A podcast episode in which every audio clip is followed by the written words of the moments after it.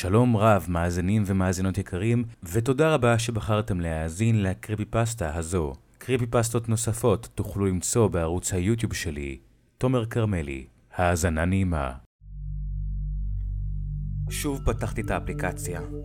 החלקתי שמאלה בחוסר רגישות כל כך הרבה פעמים ברציפות, שכמעט פספסתי את זה. הלוואי והייתי מפספס. אבל הנה, היא הייתה שם. אשתי אליסון מתה לפני שנתיים תמימות, ובכל זאת, היא הייתה שם. בטינדר, מחייכת אליי, בתמונה שמעולם לא ראיתי. נראתה מבוגרת יותר מכפי שנראתה כשמתה. הריאות שלי התרוקנו. רפרפתי על שאר הפרופיל שלה. לא היה תיאור נוסף, אבל עוד שלוש תמונות של אשתי המתה שמעולם לא ראיתי קודם לכן, כולל אחת עם פסל החירות מאחוריה, למרות שידעתי שהיא מעולם לא הייתה בניו יורק, לפחות למיטב ידיעתי. לפרופיל היה את השם המדויק שלה, והמיקום שלה היה 15 קילומטרים ממני. החלקתי ימינה ונשמתי בפעם הראשונה אחרי כמעט שתי דקות. התקשיתי לישון במשך 48 השעות הבאות. עדיין לא קיבלתי התראה על התאמה ממנה. מוכן לשלוח הודעה לטינדר ולספר להם שמישהו התחזה לאשתי המתה האהובה באפליקציה שלהם, ועשה סוג של פוטושופ קסום כדי להכניס אותה לתמונות שמעולם לא היו קיימות לפני כן. ואז ההודעה הגיעה. התקבלה התאמה חדשה עם אשתי, אשתי המתה. השעה הייתה שלוש ושלושים ושלוש דקות לפנות בוקר. התעוררתי מהצלצול של ההתראה. ההתאמה הגיעה מודעה ממנה. שלום. רק שלום פשוט. ההודעה הכי יבשה בכל מצב בטינדר. בעיקר שזו אשתך המתה שלא ראית שנתיים. הקלדתי חזק על האותיות בטלפון שלי, הכי חזק וכמה מהר שיכולתי. מי זה? למה אתה עושה את זה? ומאיפה השגת את התמונות האלה של אשתי?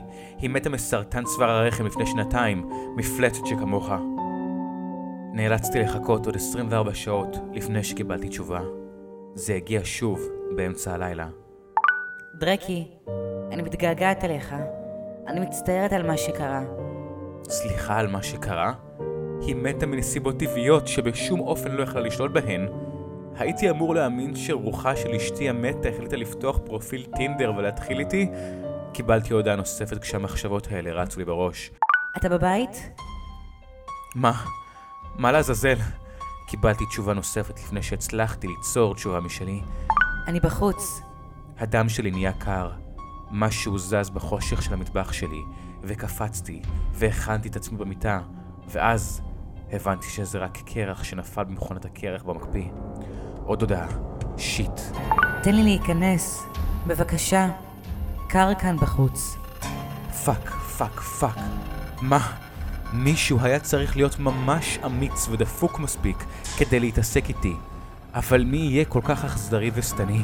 אולי היו כמה אנשים שלא אהבו אותי בעבודה, אבל אף אחד, אף אחד לא היה הולך רחוק כל כך, ומתחזה לאשתי המתה. עוד הודעה, לא משנה, אין יותר זמן למחשבה, רק קורה. לא משנה. נכנסתי פנימה. שמעתי את דלת הכניסה לביתי נסגרת וקברתי את עצמי בתוך מיטתי מתחת לשמיכה. התחלתי לחצוב בחזרה. למה? אני טמבל, אני לא יודע. אבל הודעה נוספת הגיעה לפני שהספקתי לשלוח את שלי. אתה בטינדר מוקדם מדי. דרי. כינוי דרי היה כינוי החיבה שרק שנינו השתמשנו זה עם זו. שמעתי צעדים מתקרבים לדלת חדר השינה שלי, הדלת הלא נעולה. ואז הצעדים נעצרו ממש בחוץ. הם לוו בהודעה חדשה בתיבת הדואר הנכנס שלי. היית אמור להתאבל עליי. לא לנסות לשכב עם ילדה בת 23 בטינדר. אלוהים אדירים. שלחתי לו הודעה לבסוף. אליסון, אני מצטער, אני אוהב אותך, אני מתגעגע לך כל כך. אני בודד נורא כבר שנתיים, אבל הייתי חייב להמשיך הלאה.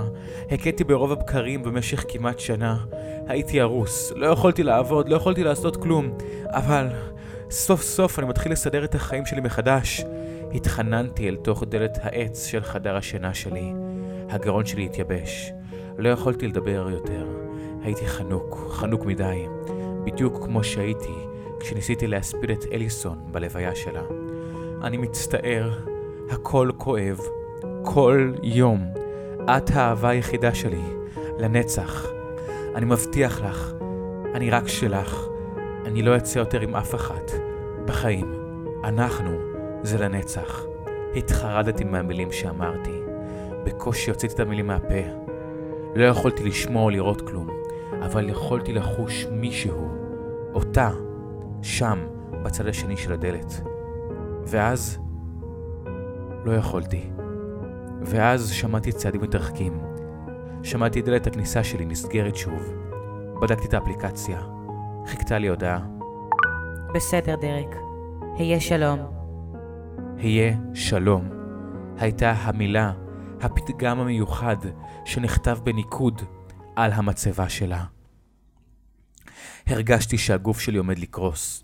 לא יכולתי להרגיש שום דבר, מלבד כאב מוזר מנותק. זו הייתה אי לעזאזל. איך לעזאזל? אבל ידעתי בוודאות שזו אליסון. כי כשיצאתי החוצה, צמרמורת חלפה בגופי.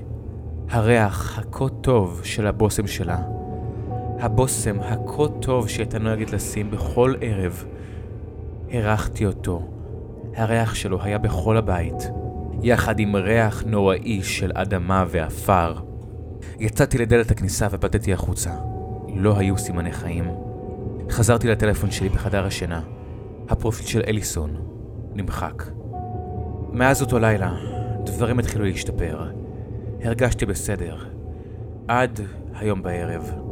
יצאתי לבר והייתה שם בחורה שנראית טוב. חזרתי איתה הביתה, עם בחורה בת 26 שהכרתי בטינדר. חזרתי הביתה עצוב אחרי כמה משקאות ומפגש אינטימי עם אותה בחורה. בדקתי את האפליקציה כדי לראות תמונות של הילדה שהלשון שלה בדיוק הייתה בפה שלי לפני כמה דקות. ואז שמתי לב לזה. יש לי לייק חדש.